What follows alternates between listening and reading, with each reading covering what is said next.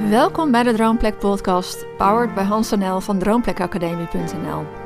Met verdiepende verhalen en gesprekken van en voor mensen die een bijzondere gastenplek willen creëren of deze droom al leven.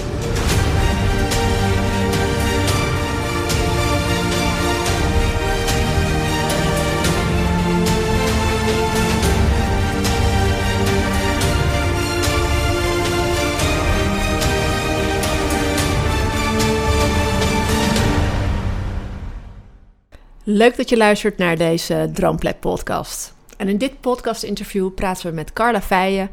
En zij heeft een moedige beslissing genomen om het proefhotel te gaan runnen. Ter voorbereiding op haar eigen droomplekdroom. Nou, het proefhotel is de plek waar mensen hun droom kunnen uitproberen een paar weken lang met hun eigen gasten. En met Carla praten we over haar keuzes, wat er allemaal komt kijken bij het runnen van het proefhotel en hoe ze zich daarbij voelt. Hi Carla. Superleuk dat je, Hallo. ja, dat je meedoet aan deze, aan deze podcast. Heel leuk, zeker. Ja, ik voel me vereerd.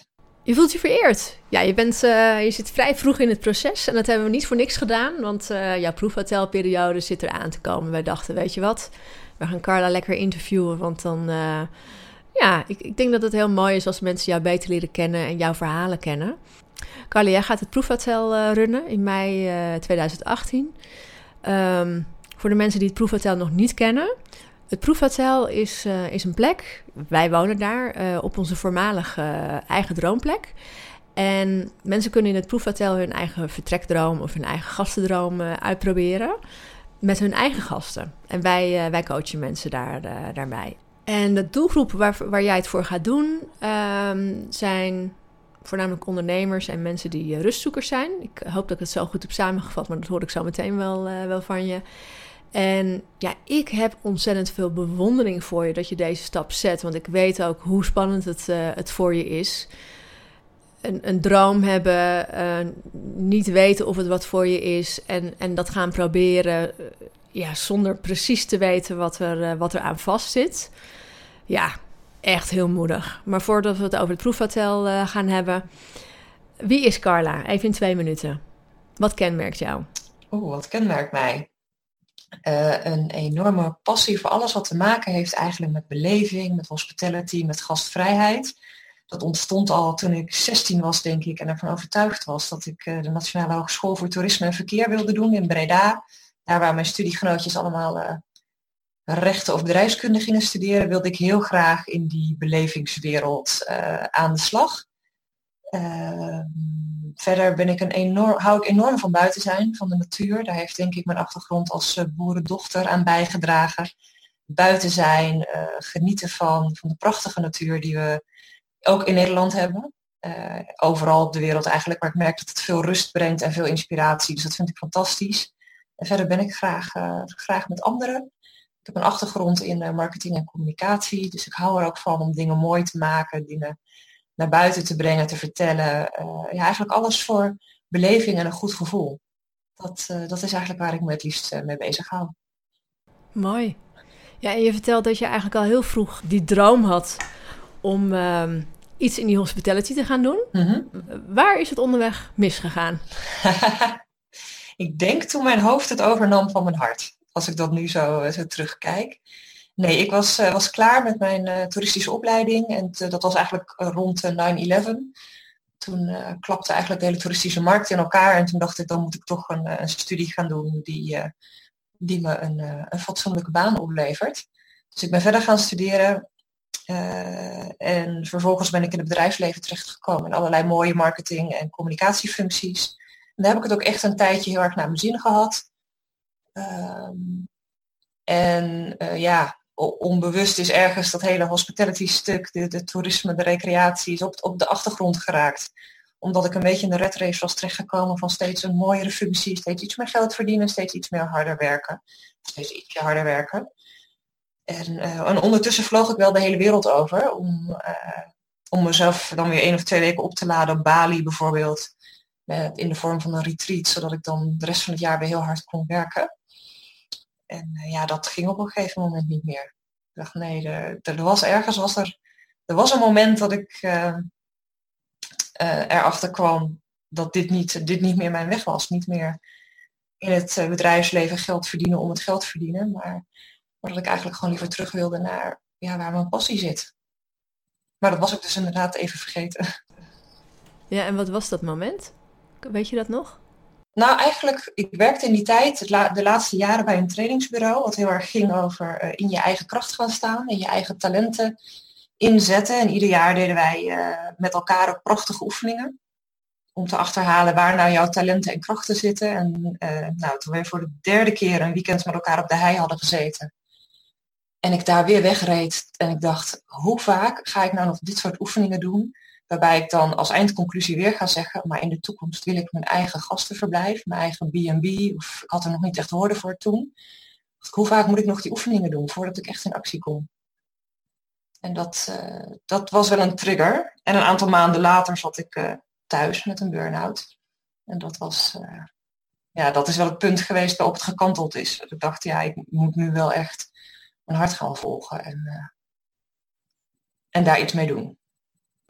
Hoe komt het dat je een burn-out hebt gekregen? Dat is misschien een beetje een directe vraag, maar heb je daar een idee van? Ja, dat is, dat is nooit één reden, denk ik. Maar een van de belangrijke redenen bij mij was wel dat ik, uh, dat ik eigenlijk vooral met mijn hoofd leefde. En een beetje losgeraakt was van, van mijn gevoel, van, uh, van, ook van uitspreken, wat voor mij belangrijk is. Wat ik heel bijzonder vond, is dat ik in die tijd, toen ik aan het herstellen was, ging vertellen aan vrienden dat ik nu toch echt met mijn uh, gastenverblijfplannen aan de slag gingen. Dat mensen, vrienden die ik al 15, 20 jaar ken, me echt zaten aan te kijken van, maar hu, waar komt dit opeens vandaan? Terwijl ik dacht, waar komt dit opeens vandaan? Dit plan, dat is er al, al bijna 20 jaar. Maar daar had ik dus nooit over gesproken. Ik had dat altijd voor mezelf gehouden, weggestopt. En dat is wel een van de dingen geweest, denk ik, die veroorzaakt heeft dat ik uh, in die burn-out ben terechtgekomen. Het ontkennen van, nou, van mijn gevoel, van mijn diepste verlangens en ook het delen daarvan. En vooral, heel, vooral maar heel succesvol proberen te zijn en, uh, en stoer en door te bikkelen. Wat is de reden dat je dat toen niet gedeeld hebt? Niet eerder, uh, in, in, die, in al die jaren? Ja. Nou, misschien wel omdat daar ook iets onder zat van... Uh, iedereen ging natuurlijk rechten, uh, bedrijfskunde, geneeskunde studeren. En ik ging maar toerisme studeren in Breda met vragen als, ja, maar wat ga je dan doen? Ga je de rest van je leven bedrijf, uh, dat, reisleidster zijn voor in zo'n bus? dus, er, dus er zat ook wel een soort lading op of zo, denk ik. En een oordeel zou te horen van oordeel, anderen. Terwijl het ook gewoon een hbo-studie is. En uh, uh, ja, waar je gewoon wordt opgeleid om leiding te geven aan, aan bedrijven in de, in de toeristische recreatieve sector niet anders dan wat je leert bij, uh, op een HAO bijvoorbeeld. Of uh, nou ja, in ieder geval uh, denk ik dat ik het misschien zelf ook wel een beetje als minderwaardig zag. Of als, ja, dat zijn niet, niet de stoere verhalen, of ik weet het niet precies. Maar... En ik ben het ook gewoon een beetje vergeten hè, onderweg. Ik ben ook gewoon op dat pad gegaan van mooie baan, volgende promotie. Ehm, dus het is voor mij zelf ook op de achtergrond geraakt. En dat is een redelijk onbewust proces geweest, denk ik. Als ik daar bewuster van geweest was, misschien nooit zo ver gekomen met die hele, hele burn-out. Maar dat is denk ik kenmerkend voor uh, in een burn-out terechtkomen. Is dat er dingen op de achtergrond en in de onderstroom spelen waar je niet altijd even bewust van bent. Ja, want je hebt het over die droom die je toen bent gaan delen, waarvan mensen dachten, huh, waar komt die droom vandaan? Ja. Maar wat, wat houdt die droom in voor jou? Ja, wat ik, wat ik heel graag wil is in de toekomst een plek creëren in Nederland, uh, midden in de natuur, waar je naartoe kunt gaan om even op te laden in de hectiek van alle dag, waar je heerlijk kunt komen slapen, gezond eten, een fijne yogales uh, volgen, waar je niks hoeft en waar alles mag, waar je een boek kan lezen, wandeling kan maken, fijne andere mensen kan ontmoeten. Zo'n plek waarvoor ik uh, destijds in het vliegtuig stapte naar Bali en een jetlag op de, op de koop toenam.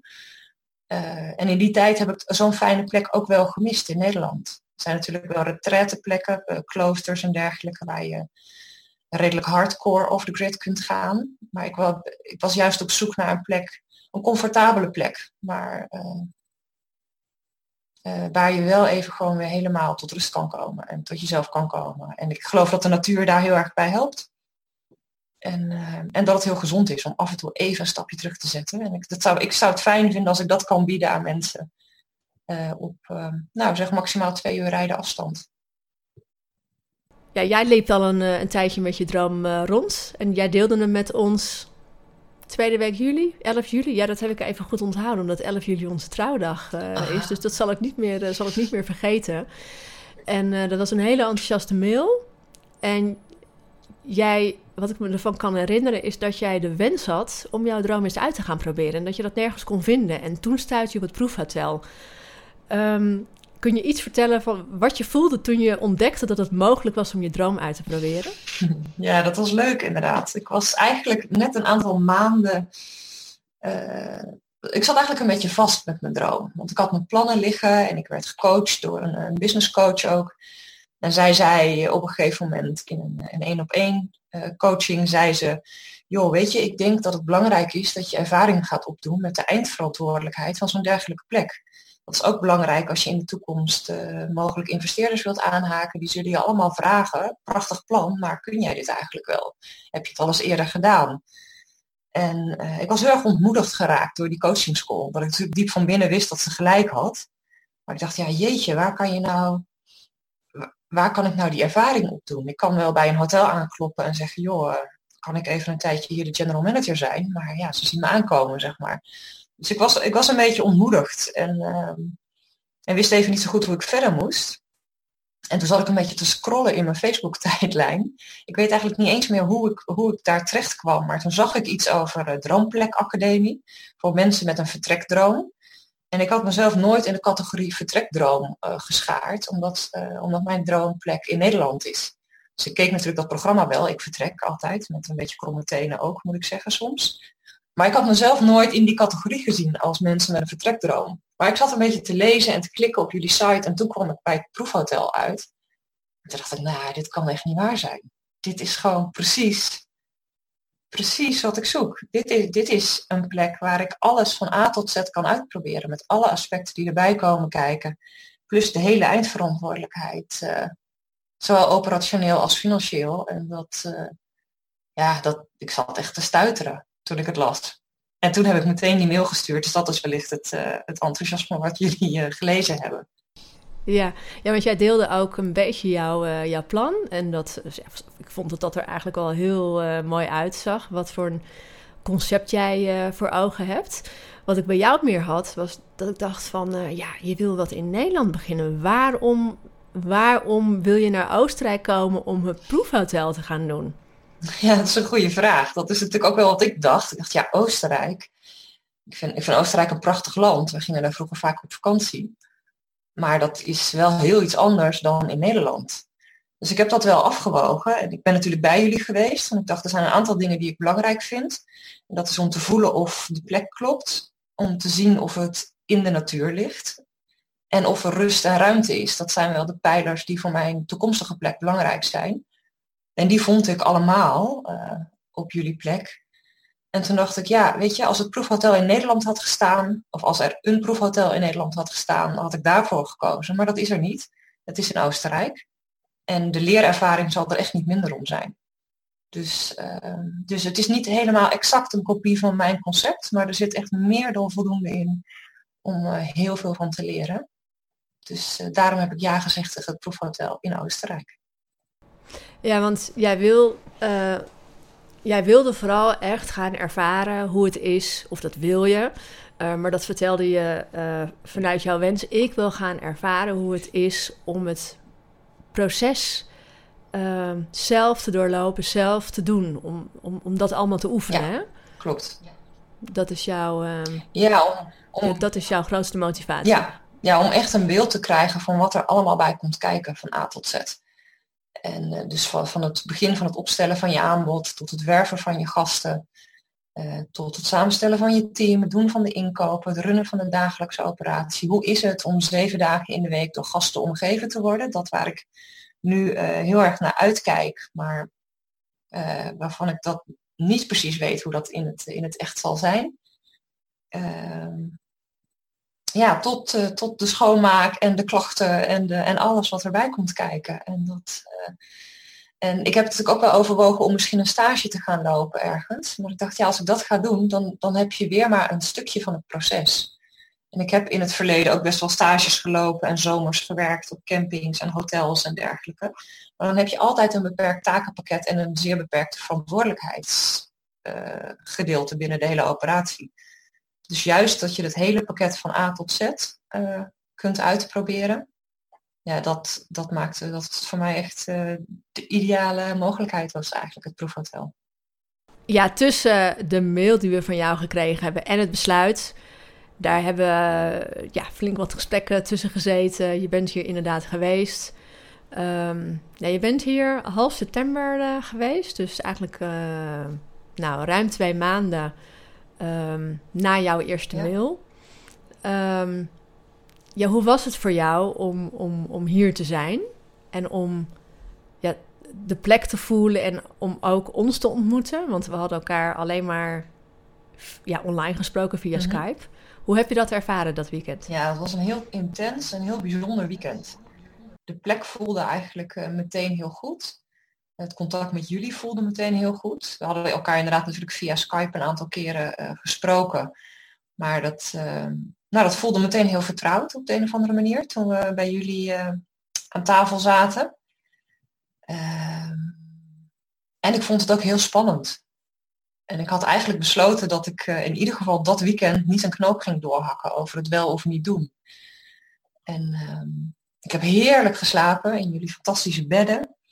En wat me heel erg is bijgebleven zijn de klingelende koeienbellen onder het slaapkamerraam. Dat het echt zo fantastisch was om zo in slaap te vallen en ook zo weer wakker te worden. En de frisse berglucht. Dus ondanks dat het een enorm intensief weekend was in mijn hoofd, omdat ik, omdat ik keuzes wilde maken, was ik ook heel erg opgeladen en uitgerust. En ik denk dat dat echt komt door de plek en, en de frisse lucht en, en jullie energieën. En, maar het, ja, het was, het was super intensief, omdat ik het gevoel had dat, uh, ja, dat het moment van beslissen, ga ik dit doen of ga ik dit niet doen, wel heel erg uh, dichtbij kwam. En eigenlijk had ik besloten, ik beslis in Nederland. Nou ja, en dat, dat liep anders. Ik, uh, ik besloot uiteindelijk een half uur voordat wij weer naar de trein zouden gaan om weer naar huis te gaan besloot ik een soort van spontaan om het, om het te gaan doen. Dus ik weet nog dat ik er rode wangen van kreeg, omdat ik eigenlijk een beetje schrok van het feit dat ik toen opeens ja zei. Omdat ja, eigenlijk er ook geen, we hadden een aantal, ik had een aantal hobbels en twijfels, maar daar hadden we over gesproken en die hadden jullie weg kunnen nemen. Dus toen dacht ik, ja, dan is er nu eigenlijk niet nog een reden om, om het niet te doen. En als ik nu naar Nederland ga, dan gaat, natuurlijk, gaat mijn hoofd weer aan en de twijfels. En, uh, dus dan kan ik beter nu ja zeggen. Ja. ja, ik vond dat heel erg dapper. En, en dit was al een spannende beslissing uh, voor je. Maar toen duwde ik ook nog een, uh, een camera voor je neus om meteen een video op te nemen. Ja. dat was even een rollercoaster. Ja. Um, maar dat was wel meteen, vond ik, een video um, waarin jou, ja, um, waarin jij jezelf echt kon laten zien. Natuurlijk zat er een stukje spanning en oh, ik ga het doen, maar jij was het ook. Jij was het ook echt. Mhm. En dat vond ik Ja, dat heb ik later ook wel veel teruggehoord inderdaad. Dat het er heel uh, authentiek uitzag. Terwijl ik inderdaad uh, nog heel erg overrompeld was door het feit dat ik uh, ja gezegd had.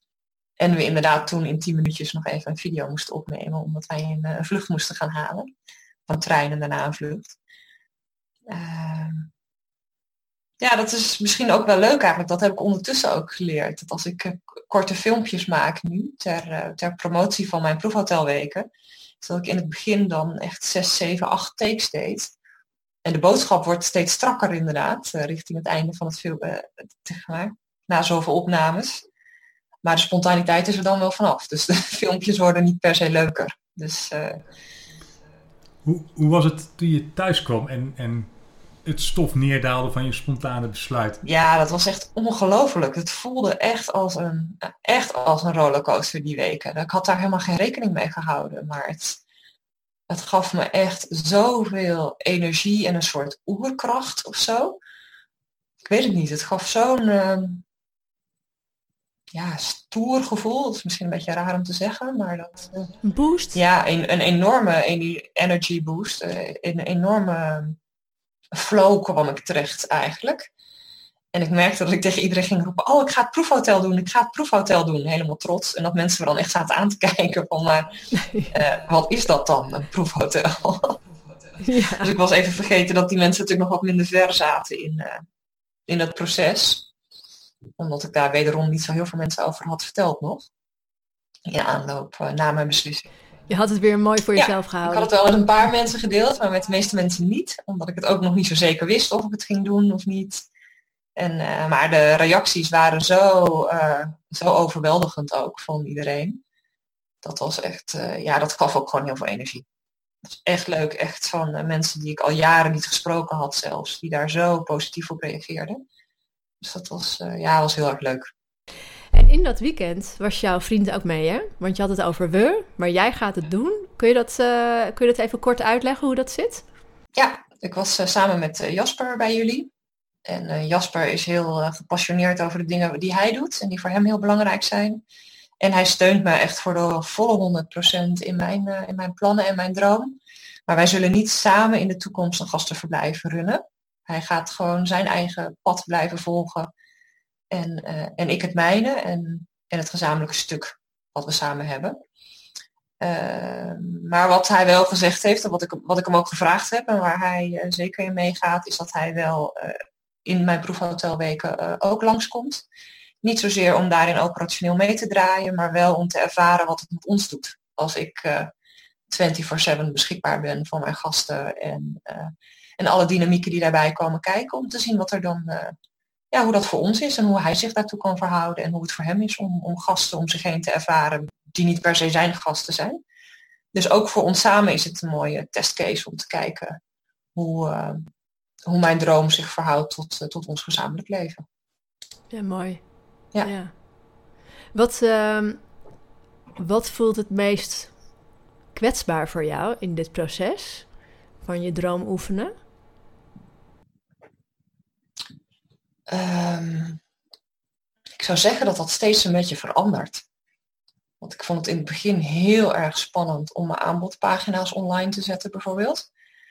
En wat mensen daar dan van zouden vinden. En of ze het niet heel vreemd zouden vinden, of raar, of veel te duur. Of nou ja, wat je er maar van kan vinden. Dat, uh, dat, dat voelden we als heel kwetsbaar. Om, om echt naar buiten te treden met, met mijn concrete aanbod. Nou, daar ben ik ondertussen aan gewend. Daar zijn allerlei reacties op gekomen, waarvan de meeste heel erg positief. Dus dat geeft ook weer moed. Wat ik nu heel spannend vind, is of ik uh, mijn weken volgeboekt krijg omdat er natuurlijk uh, ook gewoon een, uh, een, business case achter zit, zeg maar. En een, en een financieel verhaal. En, en daar horen ook boekingen bij. Zoals dat ook straks in het echte leven zal zijn. Als ik mijn eigen plek heb en mijn investeringen gedaan heb. Dan moeten er ook boekingen komen. En dat, dat ervaar ik nu ook in het proefhotel. En ik vind dat vind ik best een spannend stuk. En er zijn best heel veel mensen die al heel enthousiast zijn. En de eerste boekingen zijn ook al binnen. En ik, ik, ik, ik ontdek ook een soort ongeduld in mezelf nu. Dat het me gewoon niet snel genoeg kan gaan. en, uh, en ja, het is misschien een klein, toch wel een kleine hang naar zekerheid of zo, denk ik. Iedere boeking die erbij komt, geeft me weer een beetje meer zekerheid over dat, het, dat, het, dat ik op de goede weg ben, dat ik op het goede pad zit, dat mensen zitten te wachten op mijn aanbod. Um, ja, dus dat zijn wel de dingen die ik spannend vind er zijn nog heel veel andere dingen ook, denk ik, die spannend zijn of spannend gaan worden. Maar uh, nou ja, wat ik zeg, ik denk dus dat dat steeds ook een beetje wisselt. En dat je ook weer went aan dingen. Als we net over die filmpjes hadden, dat eerste filmpje online, ik vond het echt verschrikkelijk. En toen zag ik al die likes en al die, al die reacties en het was te gek. En daarna heb ik zelf een paar filmpjes opgenomen en een aantal van gedeeld via Facebook. En dat vond ik ook echt echt heel erg eng in het begin. En nu denk ik, oh weet je, ik sta hier, ik doe gewoon even een filmpje. En dan, ik ga hem ook niet eens meer editen of zo. Ik doe hem gewoon meteen online en ik zie het wel. Dus het is leuk om te merken hoe je daarin uh, groeit. Nou, ik zie jou inderdaad een enorme groeicurve doormaken. Hm, dankjewel. Ja. Hoe, uh, hoe motiveer je jezelf daartoe om iets te doen wat je spannend vindt? Ja, voor mij zijn die. Uh, ik heb natuurlijk een target voor mezelf gezet in de tijd. Wanneer ik hoeveel boekingen zou willen hebben, idealiter. En ik merk nu dat als ik dingen spannend vind, uh, een voorbeeld daarvan was dat ik voor de Bergwerkplekweek, de week voor ondernemers die ik organiseer, um, heb ik een tijdje geleden mijn, uh, mijn verhaal gepitcht bij een ondernemersclub. Daar was ik voor uitgenodigd. En ik vond dat echt ongelooflijk spannend. Juist voor die doelgroep, voor door, in mijn ogen doorgewinterde ondernemers die ik niet kende. Nou, dacht ik, ja, dan kom ik met mijn verhaal. Ik vond het echt doodeng, zodat ik er bijna ziek van werd en het liefste wilde afbellen. En toen ook dacht, ja nee Carla, jij moet die kamers vol boeken. Dus je kan nu wel afzeggen, maar dan gaat het niet gebeuren. Dus voor mij is, die, nou, is het wel een serieuze challenge. En dat maakt ook dat ik in de actie kom. Omdat ik denk, ja, als ik, als ik niks doe, gaat er niet iets gebeuren. En dat kan dus nu niet. En voor het proefhotel kon ik nog een beetje uitstellen of er echt spannende dingen uit de weg gaan. Ja, en dat is nu niet. Dit is wel gewoon serious business. Het is mooi dat je dit voorbeeld aanhaalt, want daarna ben je nog een keer gaan pitchen. Hoe ging dat bij dezelfde club? ja, veel makkelijker, veel leuker. Toen heb ik er ook echt van genoten. Het was leuk. Wat nog wel leuk is om te vertellen eigenlijk, is dat ik voor die eerste keer dat ik ging en zo zenuwachtig was en eigenlijk wilde afbellen, dat daar gewoon direct mijn eerste boeking uitkwam. Dus dat was ook wel een gekke beloning voor, uh, nou ja, voor de moed die ik getoond had om, om te gaan. En de tweede keer dacht ik, ja, wat is hier nou eigenlijk zo spannend aan? Maar dat, dat voor mij helpt het dan als ik de groep al een beetje ken. En natuurlijk had ik mijn verhaal ondertussen ook uh, uh, wat strakker neergezet. Dat vond ik de eerste keer ook spannend, dat ik niet goed wist hoe mijn verhaal zou vallen. En ja, je schaaft iedere keer weer een beetje bij. En uh, dan wordt het beter van en makkelijker, denk ik.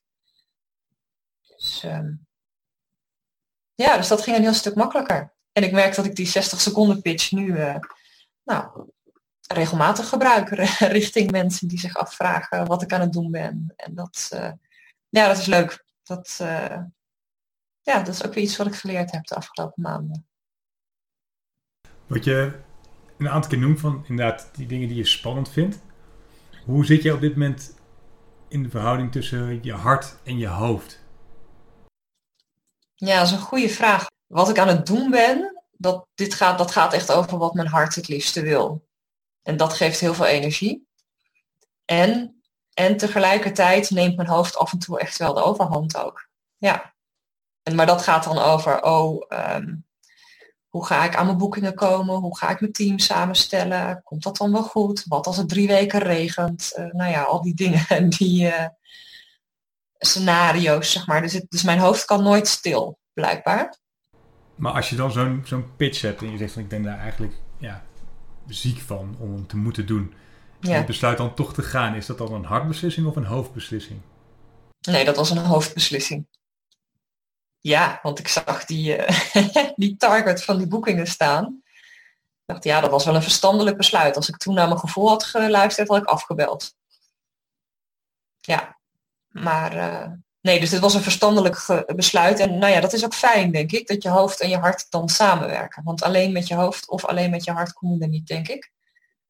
En uh, ja, dus het is ook fijn dat die, dat die twee dan in combinatie met elkaar gaan. En nou ja, daar, daar komen denk ik dan de, in ieder geval voor mij de beste resultaten uit. Ik heb je de afgelopen maanden leren kennen als een uh, heel deskundige persoon en een weloverwogen persoon. En, en ook als iemand die heel kritisch op zichzelf is in hoeverre werkt dat voor je en in hoeverre werkt dat tegen je? Kun je daar iets over vertellen? Oh, dat is een interessante vraag. Even denken. In hoeverre het voor me werkt, denk ik dat. Um... Nou ja, ik vind kwaliteit belangrijk. Ik vind het belangrijk als je iets doet dat het goed is en dat het klopt en dat het uh, een passend geheel is. En dat, uh, dat is wel iets wat denk ik bij mij van nature zo gaat. Dat het, dat het allemaal goed en kloppend moet zijn. Dat het een concept is. Dat het uh, allemaal met elkaar in lijn is.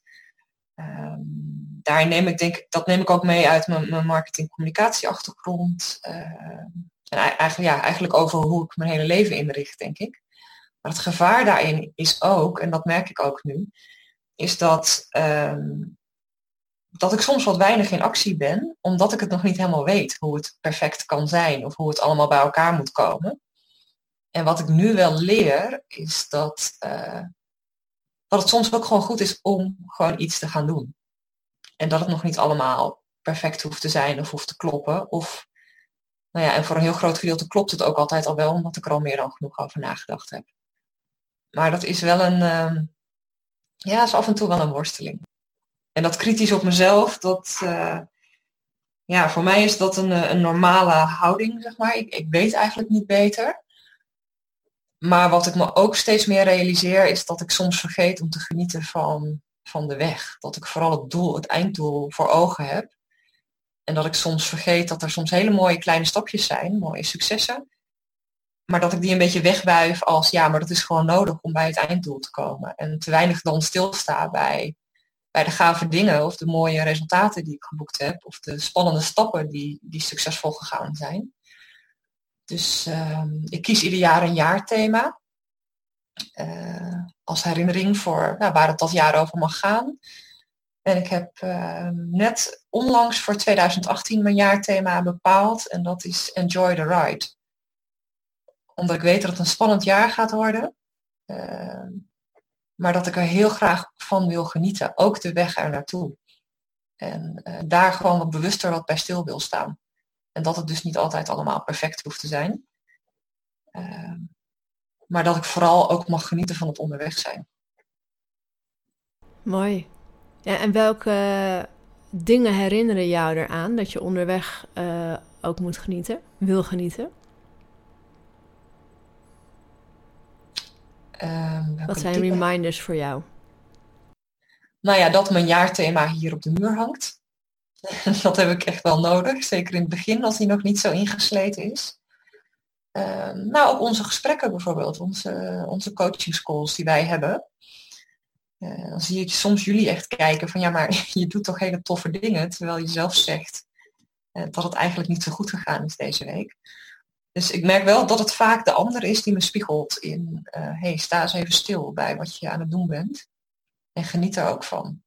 En misschien nog wel de grotere uitdaging, geniet er ook van als het niet goed gaat. Dat is zeker een grote uitdaging. Ja, ja en zeker voor mij, denk ik. Kun je, maar, die, kun je die toelichten? Want... Nou, ik denk, vorige week hoorde ik um, ergens, weet je, als het niet goed gaat, heb je waarschijnlijk een heleboel geleerd. En, en weet je dus hoe het niet werkt. Dat is ook hele waardevolle input. En daar mag je dan dus ook van genieten. In, in plaats van daar onwijs van te balen of jezelf daarvoor op je kop te geven. Of, uh, nou ja. Maar dat, ja, dat wordt wel een uitdaging, maar ik vond het wel een mooi inzicht. Eigenlijk is dat uh, de leerlessen vieren. Mag ik dat zo samenvatten? Uh, ja. ja, dat denk ik wel. Ja. En uh, net noemde je perfect en kloppend in, mm -hmm. in, in één zin bij elkaar. Um, hoe verhouden die zich tot elkaar, volgens jou? Perfect en kloppend?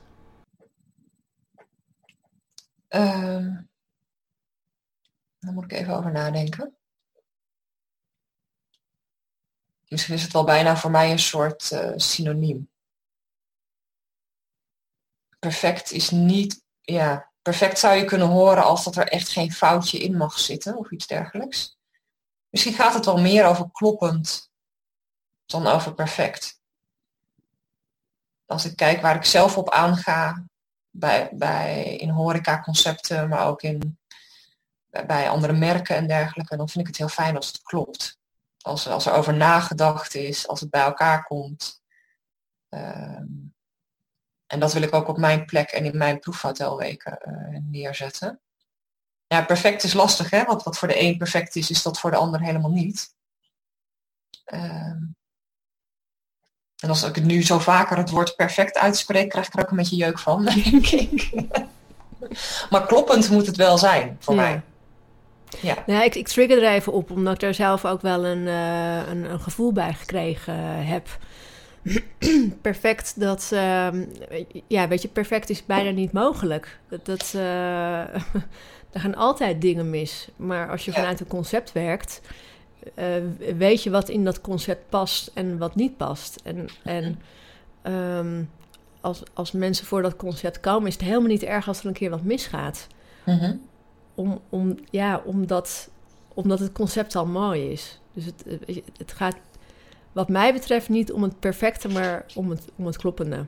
Mhm. En ik, ik vind het mooi dat je, want we hebben het daar niet eerder over gehad. Ik vind het mooi dat jij in het gesprek ook um, ja, meer gevoel hebt bij het woord kloppendheid.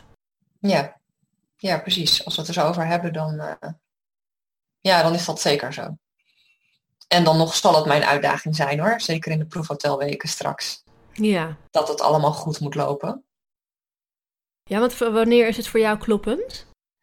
ja, die vraag had ik al een beetje verwacht. Ja, voor mij is het goed en dat is misschien een open deur, maar als, ehm, als mijn gasten het gevoel hebben dat ze op een plek zijn terechtgekomen die voldoet aan hun verwachtingen. Dat, dat is natuurlijk heel lastig, denk ik, want ieder komt met zijn eigen verwachting.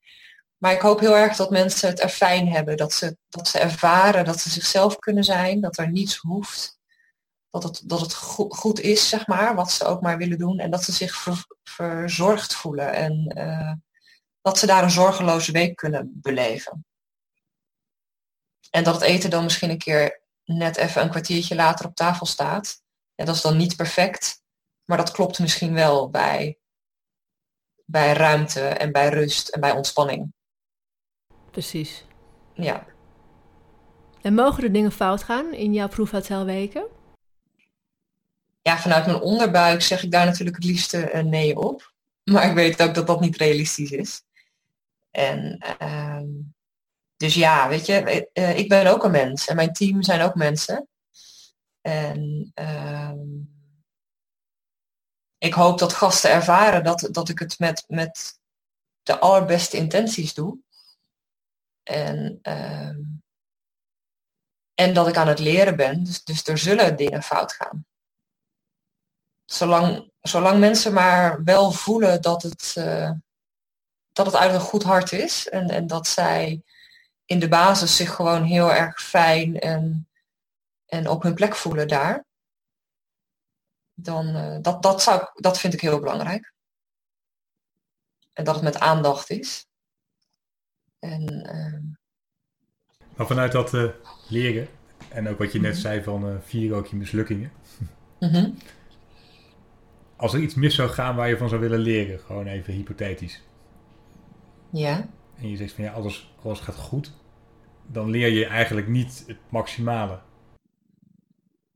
Nou, ik kan me voorstellen dat uh, een situatie in als dat bijvoorbeeld de spullen voor de keuken niet geleverd zijn, de, de inkopen niet geleverd zijn, of dat we zelf de inkopen hebben gedaan en het blijkt op het moment dat het ontbijt op tafel moet dat de melk over de datum is of zoiets dergelijks, zeg maar. Dus zo'n situatie waarin je echt gewoon stand te peden een oplossing moet verzinnen. Ehm, ik merk dat ik daarin wel eens kan blokkeren. Uh, de, ja, daar zou ik wel mee willen oefenen. Zonder het nu over mezelf af te willen roepen. Ja. Dat dat het, uh, het standaard verhaal gaat worden. En misschien ook wel goed, want dan leer ik er waarschijnlijk meer van. Ehm, maar uh, mijn hoofd koel houden en op het moment dat het ertoe doet en een oplossing verzinnen, ja, dat zijn wel de, ja, die mogen er wel zijn, denk ik. Ja, mooi. Goed ja. te weten. Ja, precies. Makkelijk te implementeren. Kunnen jullie nog iets op, op uh, manipuleren eventueel? Ja. Nou, en even uh, voortbordurend op, uh, ja, het, het, liefst wil ik dat het goed gaat. Anderzijds weet ik dat ik meer leer als het fout gaat als er ook dingen fout gaan. Hoe zou het voor jou zijn om eh, ervan uit te gaan dat er een garantie is dat dingen fout gaan? Ja, dat is ook onoverkomelijk, denk ik. Als je daar gewoon een beetje rationeel over nadenkt. En, dat, eh, en ervan uitgaan, dat geeft ruimte. Ervan uitgaan dat het perfect gaat, is met ieder hobbeltje potentieel een drama, zeg maar. En, het, uh, en ervan uitgaan dat er, dat er dingen fout gaan, ja, nou ja, wellicht kan ik dat dan op dat moment zo zien als, hé, hey, daar is de eerste hobbel. Nou, laten we daar dan maar eens mee aan de slag gaan. Want ik wist dat die zou komen. Ik wist niet hoe die zou komen, maar dat die zou komen. En, dat, en wat ik wel geleerd heb in de afgelopen ik heb best veel events georganiseerd. Er gaan altijd dingen anders. En je, je kan het echt vaak van tevoren niet verzinnen, want alles wat je verzonnen hebt loopt prima. En net dat ene ding waar je niet aan gedacht hebt, dat, uh, dat loopt dan anders. En wat ik wel geleerd heb in die tijd, is dat heel vaak je gasten geen idee hebben. Dat je het prima achter de schermen kunt oplossen, omdat, en je gasten daar helemaal niet iets van merken. En dat de onrust en de stress vaak gewoon in jezelf zit op dat, uh, op dat moment. En uh, ja, we gaan het zien. Spannend.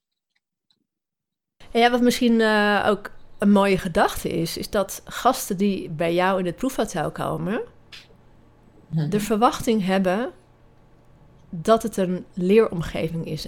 Ja, ja die, vergeet, die vergeet ik zelf wel eens, merk ik. Maar dat, dat is natuurlijk zo. Mensen boeken bewust in een proefhotel.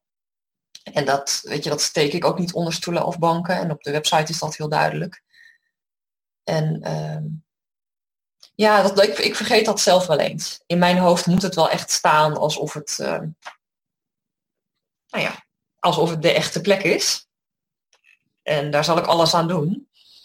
Ik kan ook niet anders, denk ik. Uh, ja, maar dat is ergens wel een geruststellende gedachte om dat, uh, ja, om dat in het oog te houden. Dat mensen dat weten, dat ze in een proefhotel zijn. Ja.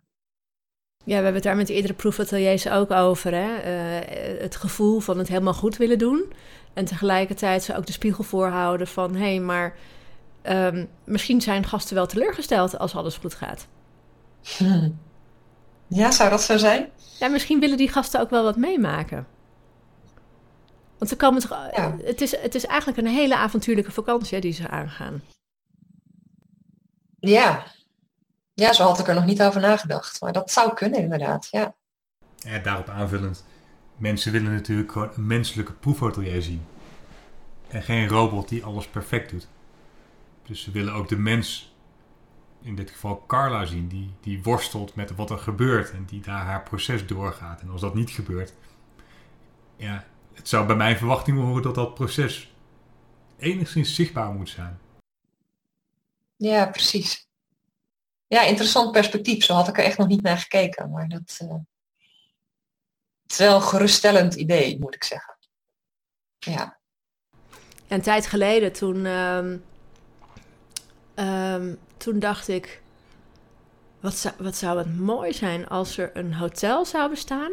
waar dingen niet perfect hoeven waarbij een hotel waarin alles net wat anders uh, gaat. Je hebt natuurlijk in hotels vaak ook etiketten. Mensen willen op een bepaalde manier um, in de watten gelegd worden of aandacht krijgen.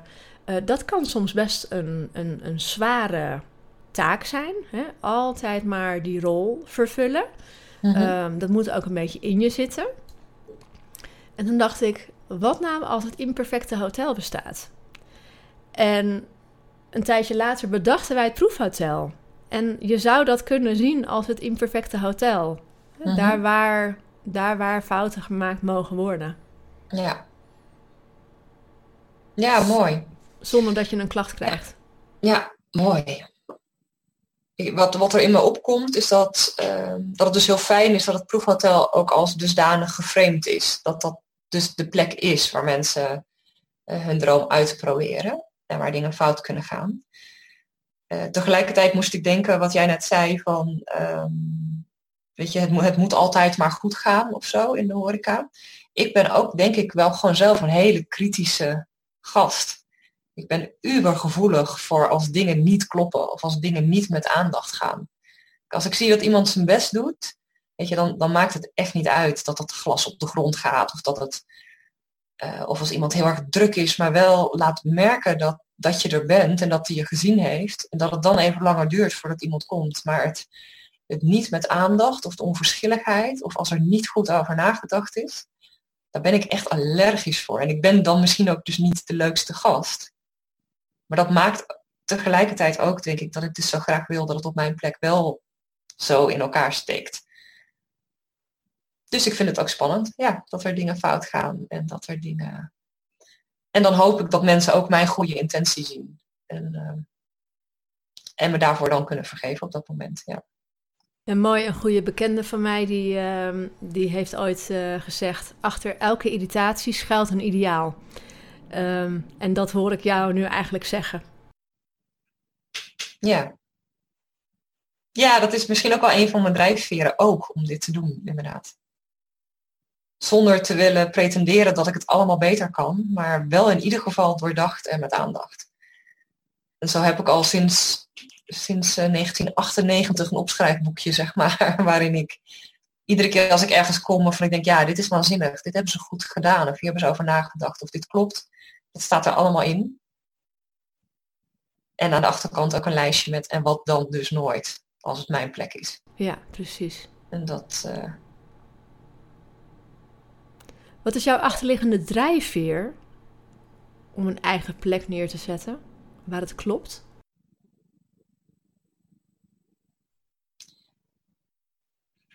Um,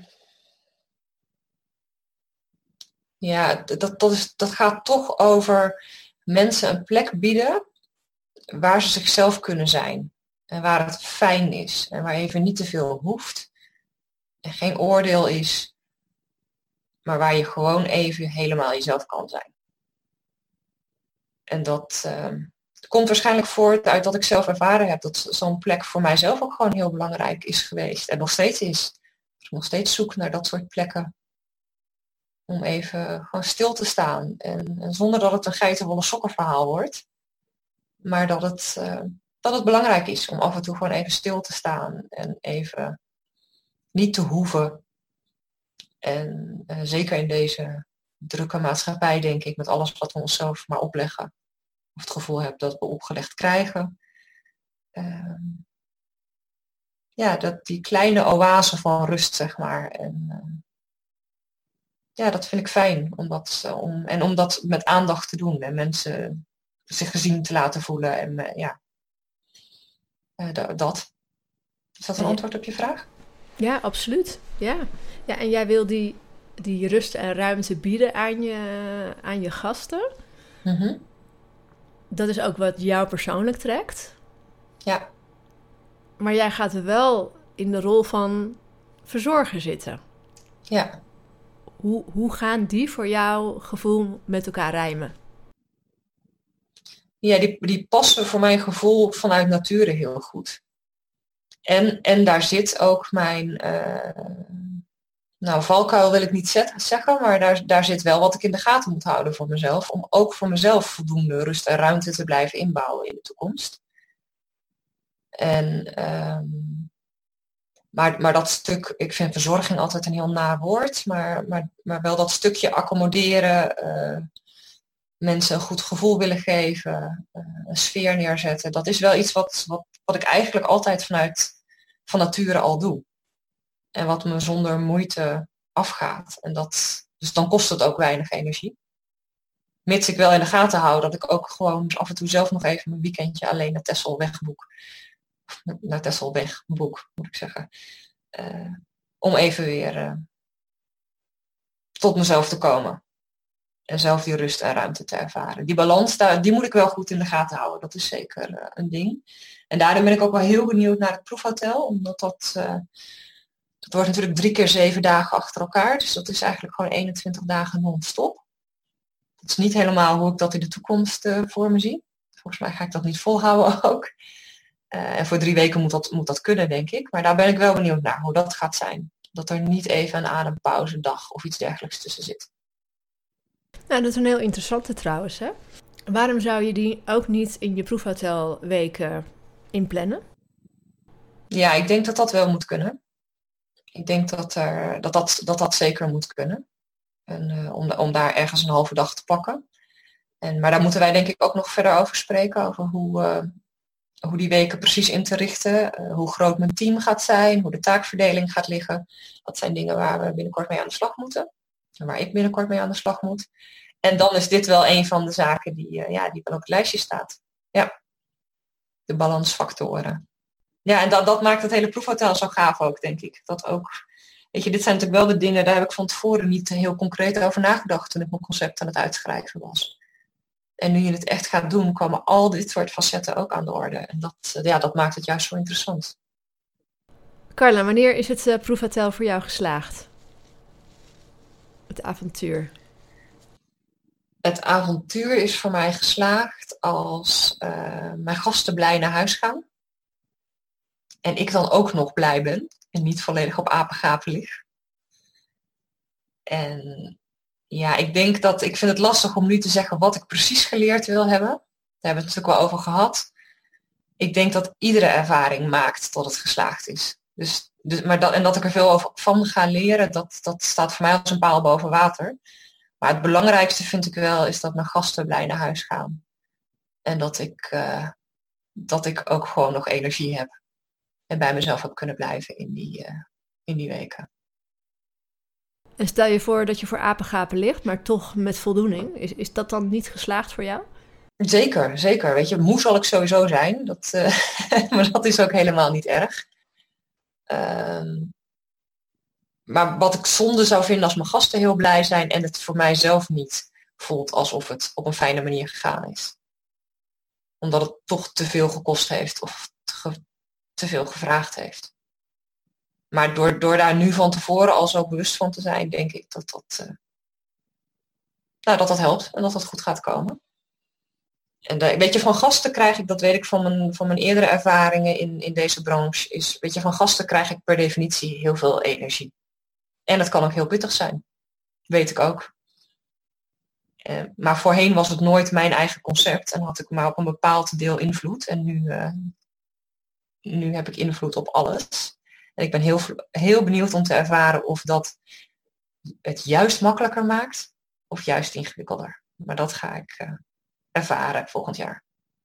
En wat maakt dat jij energie krijgt van gasten? Ja, ik vind het fijn om uh, met leuke mensen om te gaan. Uh, over het algemeen zijn mensen die op vakantie gaan of die zichzelf een dergelijke week gunnen in, een, in een fijne staat van zijn.